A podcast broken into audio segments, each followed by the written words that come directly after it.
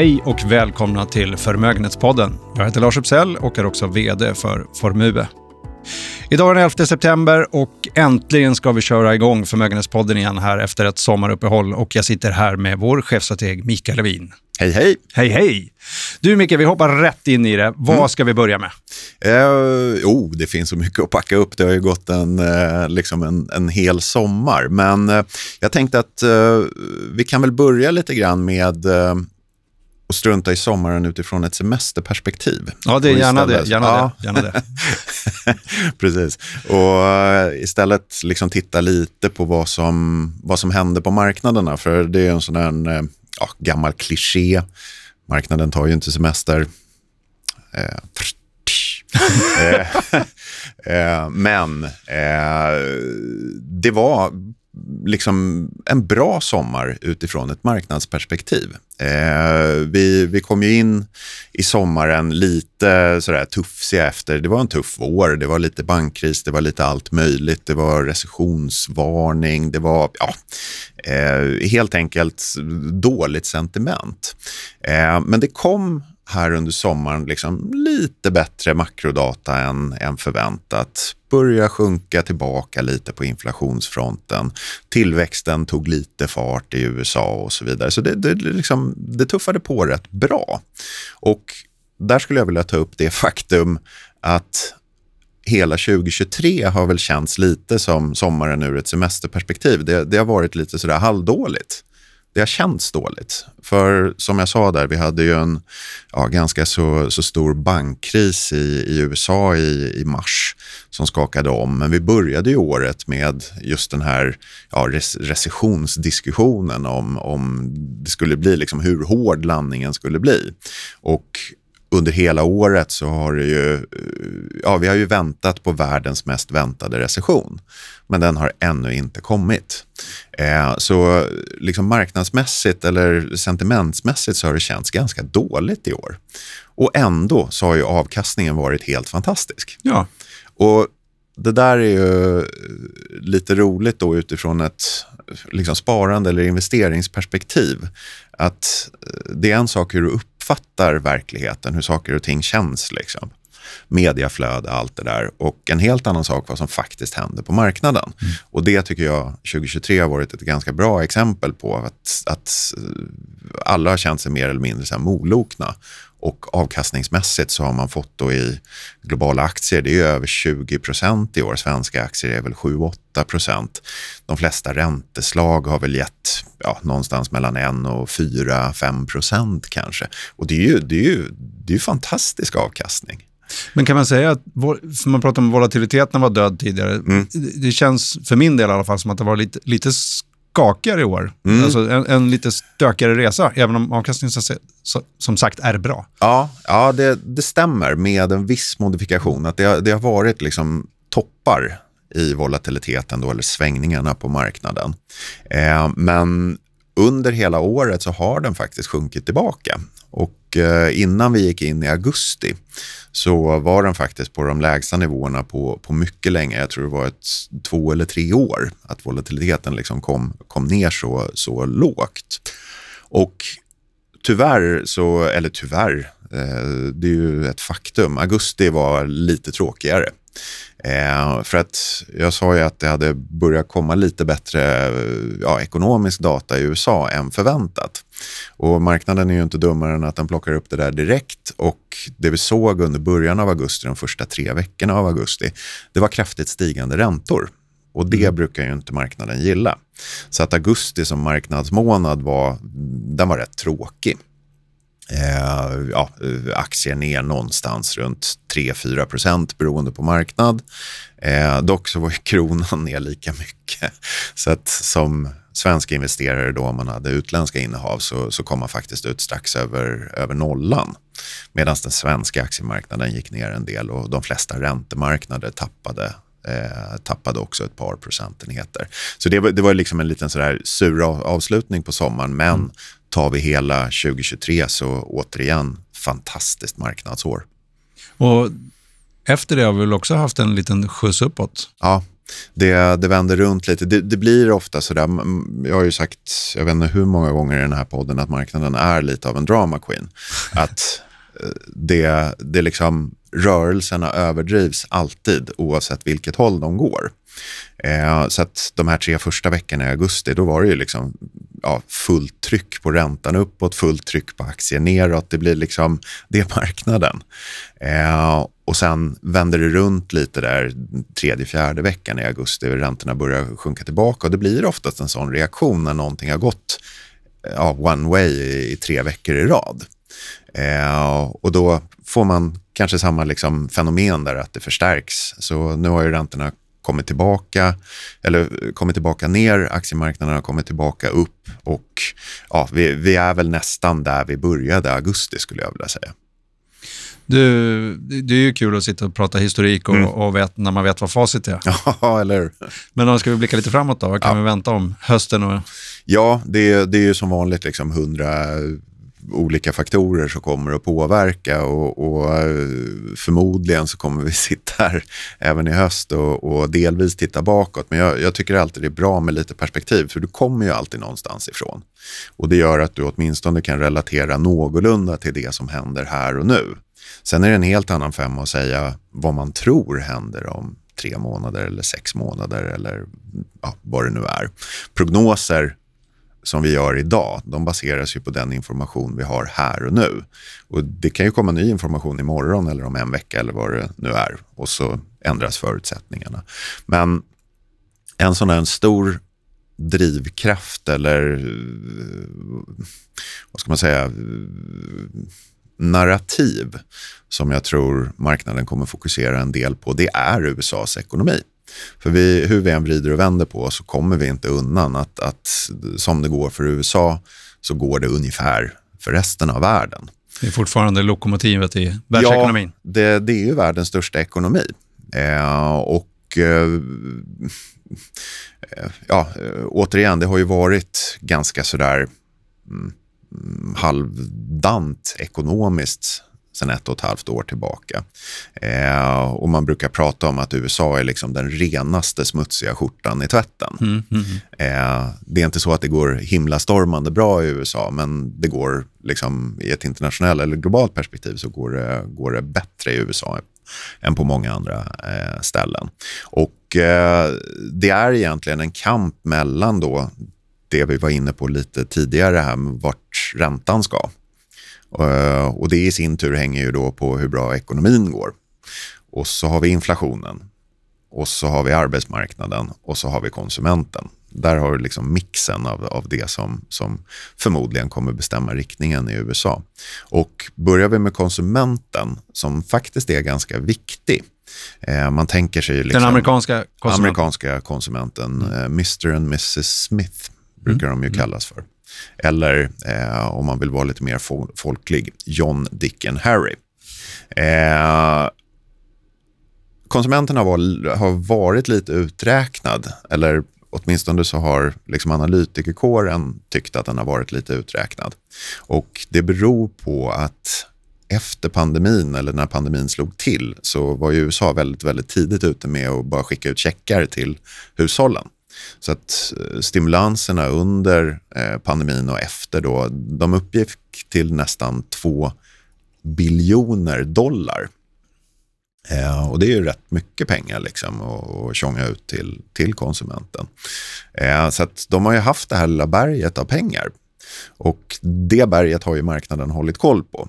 Eh, och det var här under sommaren ett, ett flertal liksom analyser och eh, i se, ja, eh, fina grafer över hur det här berget var på väg att ta slut.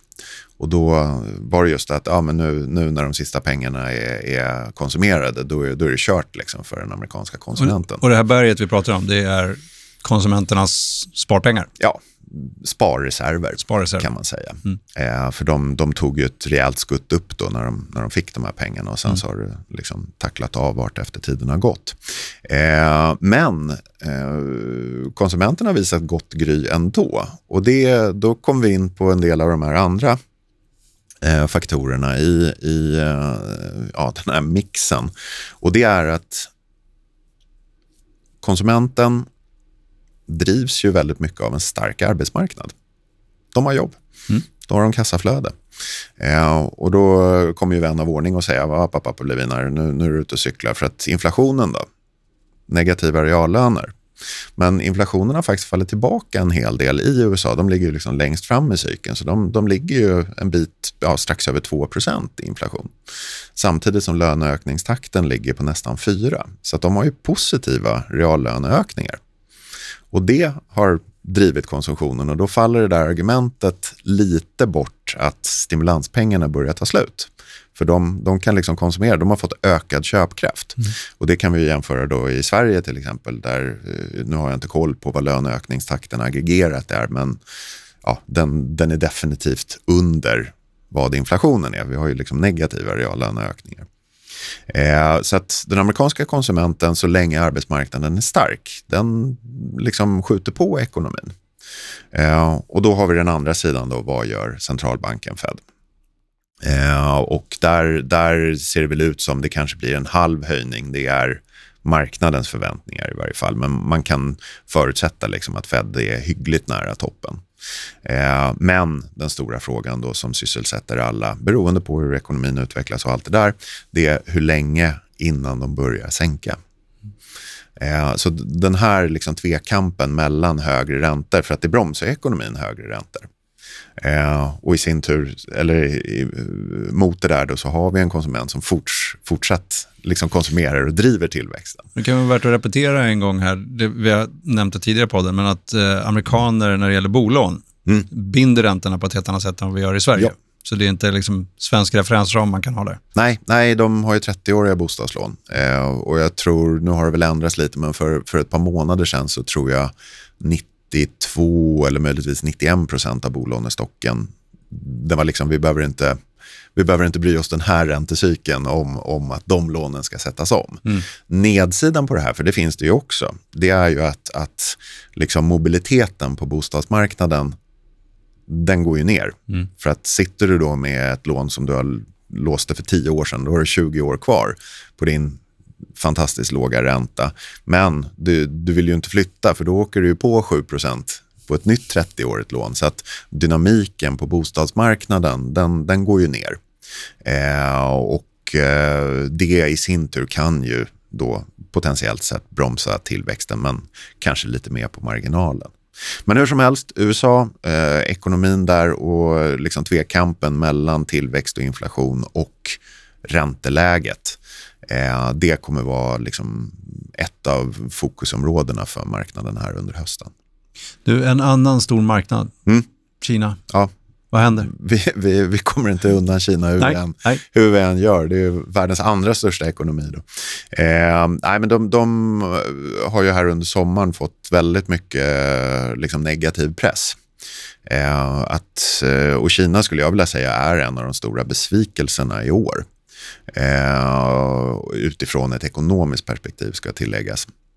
Eh, för att de, de körde ju sina enormt hårda nedstängningar hela förra året. Och så öppnade man upp i slutet, jag tror det var i mitten av december eller någonting sånt där. Och ett av temana inför i år var ju att nu är det comeback time för, för Kina. Eh, både då eh, internt eller domestikt, men också att det skulle få ringverkningar på den globala tillväxten då när Kina liksom varvade upp igen. Där. Proppen gick ur, eller man skulle dra ur proppen. Ja, att, ja. exakt. Mm. Och tyvärr, det har absolut inte gått som förväntat. Eh, Kina, lite sådär slarvigt uttryckt, eh, den ekonomin vilar, vilar ju på tre ben. Och det ena är exporten. Eh, det andra är den inhemska konsumenten, då, eller den domestika marknaden. Och eh, det tredje är bostadssektorn som är enormt stor av Kinas ekonomi. Det är nästan 20 procent av BNP. Så att, ja, det är de tre liksom, styltorna eller benen som, som ekonomin står på. Exporten går sådär. Eh, delvis beror det på lägre efterfrågan, för vi har ingen hög tillväxttakt i, i, i världen idag. Eh, delvis beror det på att eh, ja, vi har ett geopolitiskt lager där. Att USA och Kina har ju hållit på och tjafsat och, eh, ganska många år nu, men det här uttrycket decoupling att USA försöker göra sig kvitt de här försörjningskedjorna så mycket som det går. Det kommer ju ta jättelång tid, men det påverkar den kinesiska exporten. Eh, Europa som är lite mer sådär eh, tvehågset inställd till Kina utifrån det geopolitiska perspektivet eh, pratar ju väldigt mycket om de-risking. Vad det nu innebär. Jag har inte sett någon bra eh, definition på det. Eh, europeiska företag och den europeiska ekonomin är ju också mer sammanknutna med Kina.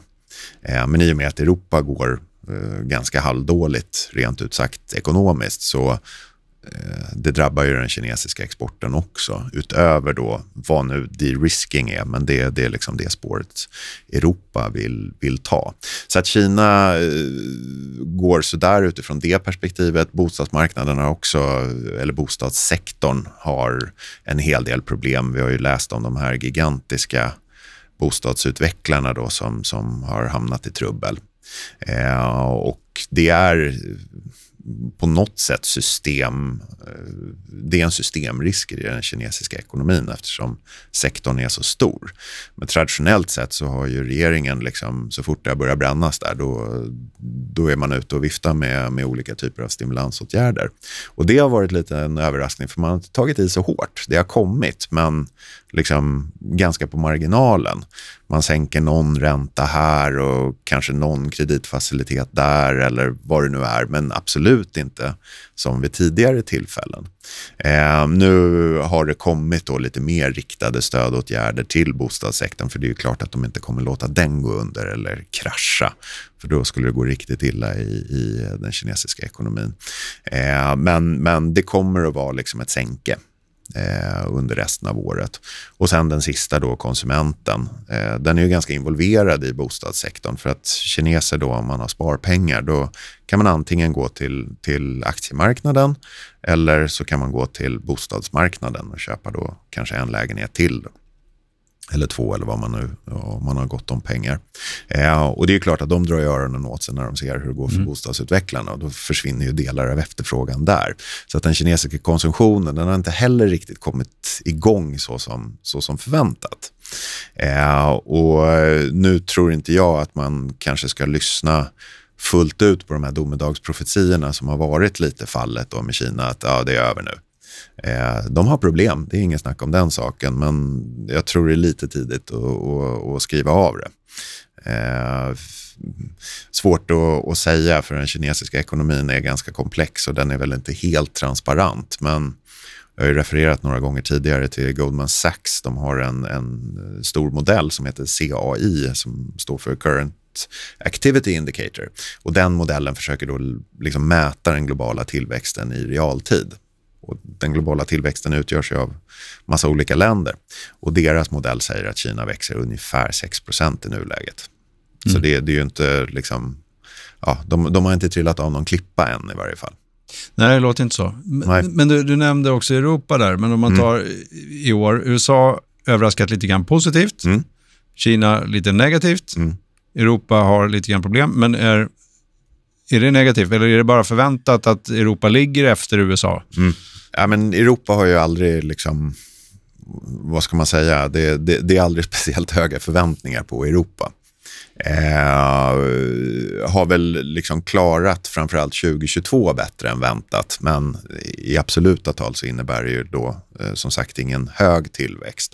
Och det går ju att argumentera för att, att eh, delar av Europa eh, faktiskt är i recession.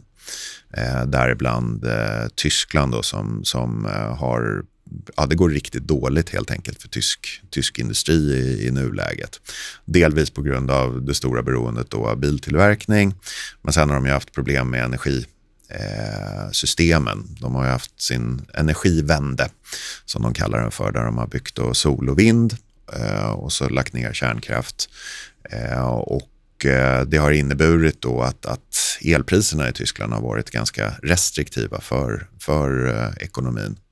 Eh, och såg någonstans nu här, jag får ta och kolla upp det, men elförbrukningen i Tyskland är, är ner någonstans mellan 7 och 10 procent. Och med tanke på hur elintensiv deras industri är så, så kan man ju misstänka då att det, det går inte på, på fullvarv där. Eh, så Tyskland har, har, har lite problem och det har ju varit liksom motorn på något sätt i, i den europeiska ekonomin, framförallt då den tyska exportmaskinen. Och den, den levererar inte för närvarande. Vi får komma tillbaka till Europa senare. Mm. Men du, jag tänkte vi skulle mm. prata lite grann om eh, en konsekvens av höjda räntor. Mm. Tina, Tina, ja, eh, hon, eh, hon har ju varit med oss ganska länge. Eh, och jag är ganska säker på att vi har refererat till henne tidigare här i podden. Det står ju för “There is no alternative” och det har ju varit liksom kredot på något sätt på marknaden. Att, att med låga eller till och med negativa räntor så har man ju som investerare då trycks ut på riskskalan. Och “There is no alternative” det, det syftar ju såklart på aktier. Att det har varit liksom ja, the place to go de senaste tio åren när det kommer till portföljen för att man har inte fått någonting på räntesidan. Eh, och den där akronymen den, eh, den har väl ersatts lite av en annan som heter TARA. Och den står ju då för There are alternatives. Och det finns ju alternativ nu i form av räntor eftersom eh, ja, hela 2022, det var ju liksom bara, eh, där kan vi snacka om one way street. Mm. För räntorna gick ju upp under hela 2022, började stiga i slutet av 2021 och så var det bara raka vägen upp 2022. 2023 har ju varit mer sidledes oavsett vilka räntor vi tittar på. Det är fortfarande lite liksom tryck uppåt, men betydligt mer eh, sidledes än vad det var förra året. Men som investerare då så får man ju plötsligt ett alternativ. Och Det här tror jag det kommer ta ett tag för, för både marknaden och, och för enskilda investerare, typ du och jag, mm. att ställa om. För att vi har ju varit så vana vid att räntor, ja, men det, det har man inte tittat på de senaste tio åren. Parkeringsplats bara? Ja, mm, på något sätt. Och helt plötsligt nu så, så Eh, så dels får du en kupong eller en ränta, men du får ju också tillbaka en del av de här diversifierande, eh, diversifierande egenskaperna som räntor har i portföljen. Att, eh, ja, säg att du får 4-5 procent. Eh, men skulle det vara så att då den här världens mest väntade recession faktiskt inträffar, då har ju räntorna den effekten i portföljen att de håller emot. För att i ett sånt scenario så kommer räntorna förmodligen att sjunka. Och då får du den här kursvinsten liksom på, på räntor som, som var svår att få när det var noll. Ja. Eh, vi kan väl hålla kvar där lite för, att, för de lyssnare som inte riktigt är med på scenariot här. För att mm. det, det, får jag ofta frågor på. Men ja. hur, hur, kan, eh, om jag går in och tittar på obligationer, mm. en obligationsportfölj nu, hur den har utvecklat sig sista tiden, mm. så ser det ganska bedrövligt ut, trots att räntorna liksom har gått upp. Eh, och det är ett omvänt scenario där. Ja. Kan du inte beskriva det lite kort? Jo, eh, sen alltså en, en sammansatt portfölj eh, av till exempel den räntefördelning vi rekommenderar våra kunder. Och det, det består ju av allt från lite, lite likviditet, eh, det är globala obligationer, det är tillväxtmarknadsobligationer, det är svenska slash nordiska obligationer, det är obligationer av high yield, investment grade. Ja, kort sagt, det är, det är liksom en bra diversifierad ränteportfölj. Den har ju trots allt gett nästan 2 i år. Och det kan ju just låta futtigt, men då har vi haft det här liksom lätta trycket uppåt eh, på räntorna under året. Eh, men i ett, ett sämre scenario, om vi skulle börja få liksom lägre tillväxt, kanske till och med en recession, eh, då kommer ju räntorna att börja sjunka och den delen av portföljen, det är det som kommer att hålla emot. För aktier kommer att ha en mycket tuffare resa i liksom ett recessionsscenario. Eh, och det är det här som är skillnaden, liksom, att man ska inte bara se räntor idag utifrån då den eventuella kupongen man kan få som då har kommit upp, utan även de diversifierande egenskaperna i portföljen. För de, de, de har ju inte funnits där på ett tag. Ja, och vi nämnde häromdagen lite grann, för vi svenskar har en tendens till att lägga eh, pengar på kontot mm. Eh, och mm. där kan man parkera och mm. sen har vi resten i aktier. Så ja. vi har inte så mycket obligationer, eller många, många har inte det i alla fall. Eh, men och nu kan du kanske få 3, 3,5, kanske till och med 4 procent om du letar runt lite grann på, om du, om du binder eh, räntan ja. lite grann på ett konto. Ja. Eh, men i ett annat scenario, du beskrev det tidigare, eh, mm. om du får den här nedgången, mm Ja, men då försvinner ju, för styrräntan är ju det som sänks först. Ja. Så det, det, det, kommer ju slå ganska fort på en kontoplacering. Eh, och där har du ju ingen kursvinst heller. Nej. Överhuvudtaget. Så, så att då får du inte kursvinsten, men du får en nedgång i. Mm. Så, att, så att man behöver ha lite risk i portföljen för att kunna få en real avkastning. Mm. Oh ja, det, det, det, behöver man. Men just det här att, att vi behöver ställa om. Och återigen, det finns ju inget rätt eller fel här. Hur mycket räntor ska man ha? Det är ju individuellt. Absolut. Men vi behöver liksom ställa om i den bemärkelsen att vi behöver börja titta på räntor utifrån ett portföljperspektiv igen. Och eh, nu kan man ju dra upp liksom hur många scenarier som helst om hur framtiden ska se ut. Men jag har ju, eh, det är ju en högst personlig åsikt, men jag tror inte vi kommer komma tillbaka till det här liksom, ja, noll eller till och med liksom negativa räntescenariet. Utan att Eh, det framtida räntescenariet, där kanske vi tittar på en värld någonstans mellan 3 och 5 procent. Om vi de senaste 10-15 åren då har haft någonstans mellan kanske 1 och 3 procent. 3 procent eh, 2007-2008, eller förlåt 2008-2009 och framåt mot slutet här då som var i princip noll. Då. Eh, så att det är ju den senaste 10-15 årsperioden som är den historiska anomalin. Men det är tillräckligt långt för att vi har liksom vant oss vid det. Kanske måste forskas lite på det också. Mm. Jodå, Nej, men det, det, det, räntan varierar. Men just de här nivåerna som vi har varit igenom nu, eh, de är väldigt svåra att hitta historiskt. Du, eh, vi blickar längre ut på den här riskskalan. Då. Mm. Eh, bolagen, hur mår de? Ja, eh, den ultimata temperaturmätaren där det är ju såklart vinsterna. Och eh, det, eh, det har ju varit trögare. Eh, dock så har både första och andra kvartalet typ slagit förväntningarna. Det är ju normalt så att säga oavsett egentligen scenario att man gör det. Eh, men hyggligt. Det är ju mycket drivet som vanligt av vi återvänder till USA igen. Eh, amerikanska aktier, eh, de är ju över 60 procent av ett globalt index och det är klart vad som händer med vinsterna i USA, det, det får stor påverkan liksom globalt. Och eh, där var ju andra kvartalet, eh, techsektorn tjänar ju otroligt med pengar. Eh, och det här bolaget som, som eh, numera de flesta känner till som heter Nvidia. Eh, de ökade ju till exempel vinsten jämfört med andra kvartalet förra året då, eh, med ungefär 854 procent.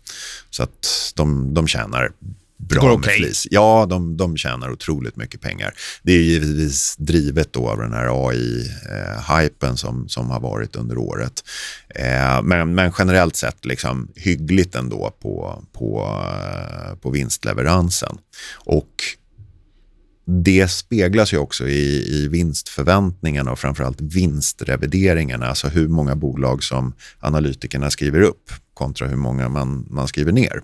Och den ration ska ju helst vara över noll, för då är det fler bolag som skrivs upp kontra skrivs ner. Eh, och den har faktiskt här under sommaren eh, kravlat över noll.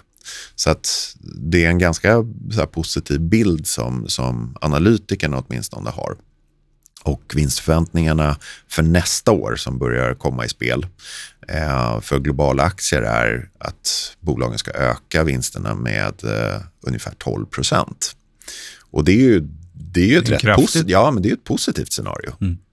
Eh, och återigen, eh, låter det vara osagt om det kommer att hända. Men skulle man hamna någonstans där höga ensiffriga tal, kanske låga tvåsiffriga tal i vinsttillväxt nästa år. Eh, det skulle ju vara ett jättebra stöd för tillgångslaget aktier. Men det hänger ju då återigen på där vi började eh, det här lilla pratet med hur, eh, hur går det för USAs ekonomi kontra eh, liksom arbetsmarknad, inflation, kontra räntor, kontra tillväxt och så vidare. Och så vidare. Och alla andra tusen komponenter som vi inte har pratat om också. Ja, exakt. Ja. Men eh, just på, på liksom vinstsidan så, så ser det ut som, som ja, analytikerna har en, en hyggligt positiv bild på framtiden. Bra avslutning där, men sprid riskerna helt enkelt. Mm. Som vanligt. Du, du, vi ska börja runda av här, men vi mm. ska orka med och gå in i månadens tema också. Månadens tema, ja. Ja, ja. men det var, det var lite, lite, lite roligt faktiskt, för det, det är lite annorlunda. Absolut. Mm. Eh, influencers har alla hört talas om. Mm. finfluencers, säger man så? Ja, jag tror det.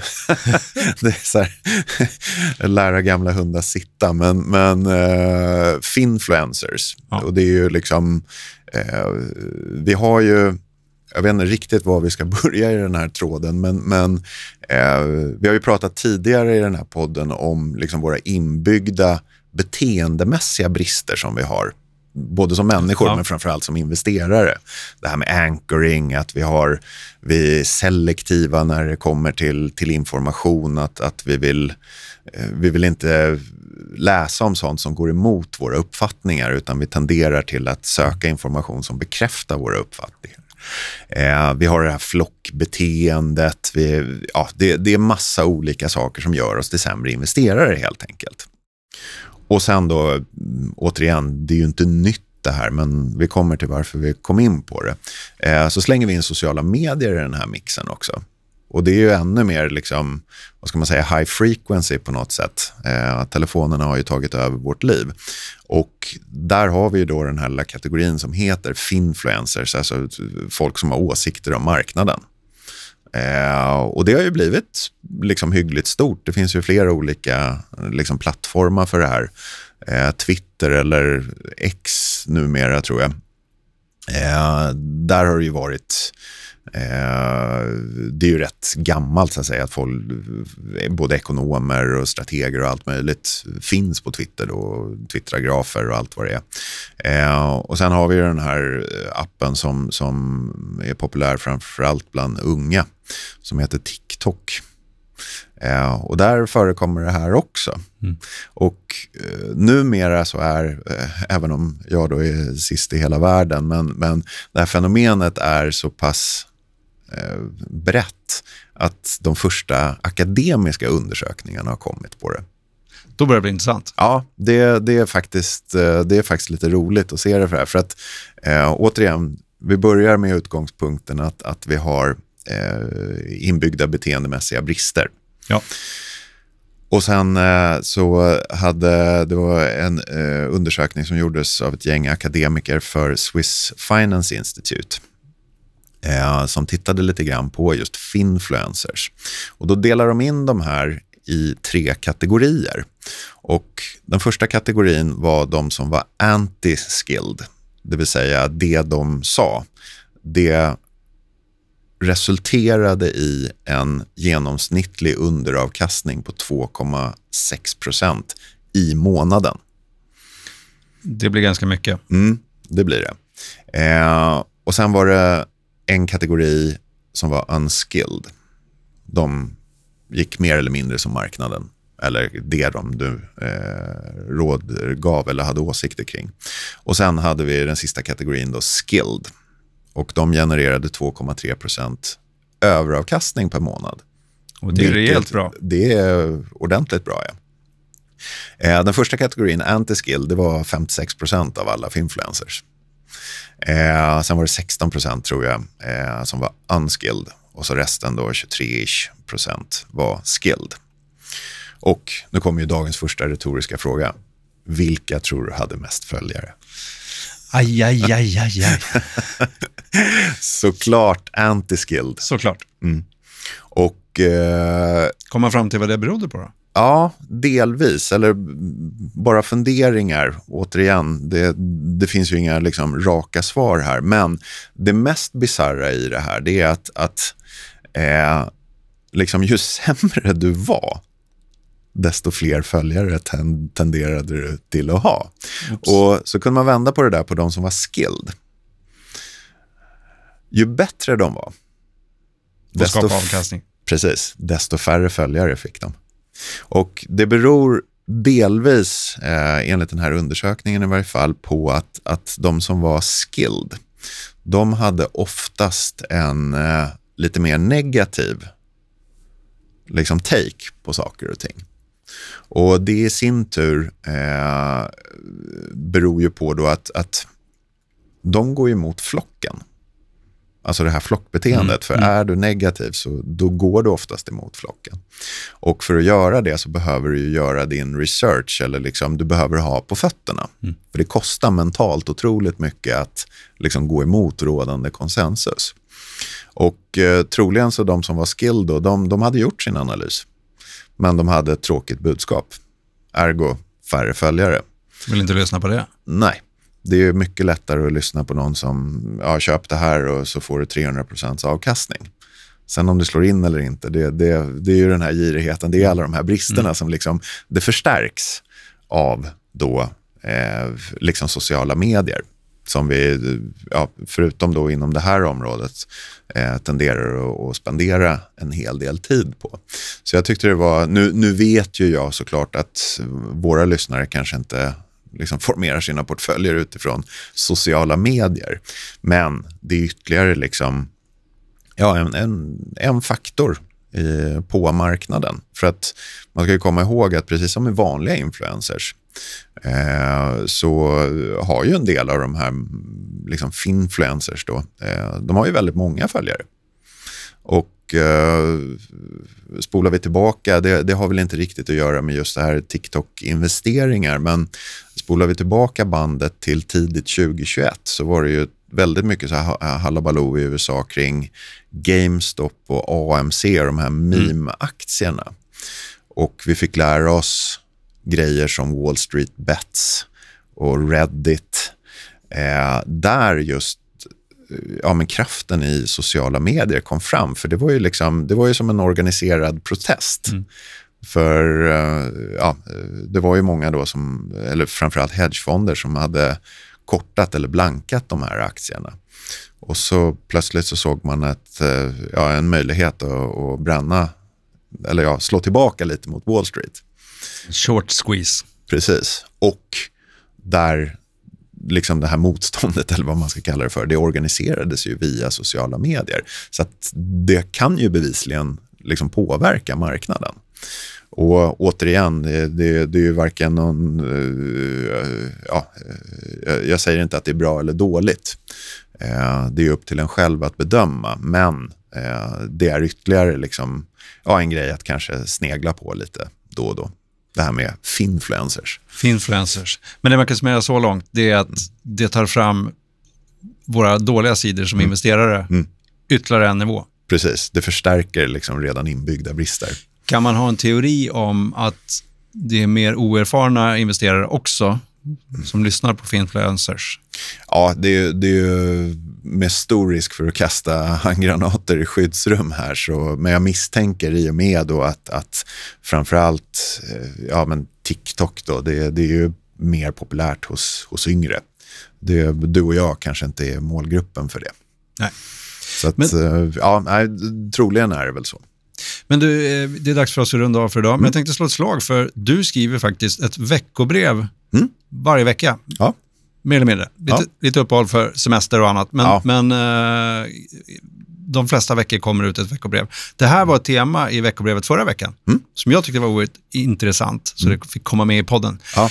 Men vill man följa det här veckobrevet som du skriver, hur gör man då? Jo, då går man in på formue.se och så har vi en liten flik som heter insikt. Och Det är där allting, eh, ja, eh, marknadskommentarer ett al publiceras. Och Där finns det en liten flik som heter veckobrev. Då kan man klicka på den och så får man upp ett litet formulär innan veckobrevet kommer upp. Eh, och så om man ja, tycker kvaliteten är, är någorlunda, vilket jag hoppas att man gör, så kan man ju signa upp sig på veckobrevet så får du det i mejlen varje vecka. Det brukar vara intressanta teman och jag brukar också få med ett gott skratt emellanåt. Mm, Eh, ja. Jag tycker det är roligt. Eh, så gå in på Insikt då, Mm. formue.se, Insikt och leta upp veckobrevet. Glöm inte varför ni gick in där, för det var prenumerera på veckobrevet. Det finns andra intressanta artiklar där också. Mm. Men gör det. Eh, med det så tänkte vi tacka för idag. Ja, och vi är ju tillbaka om ja, en månad ungefär. Ungefär.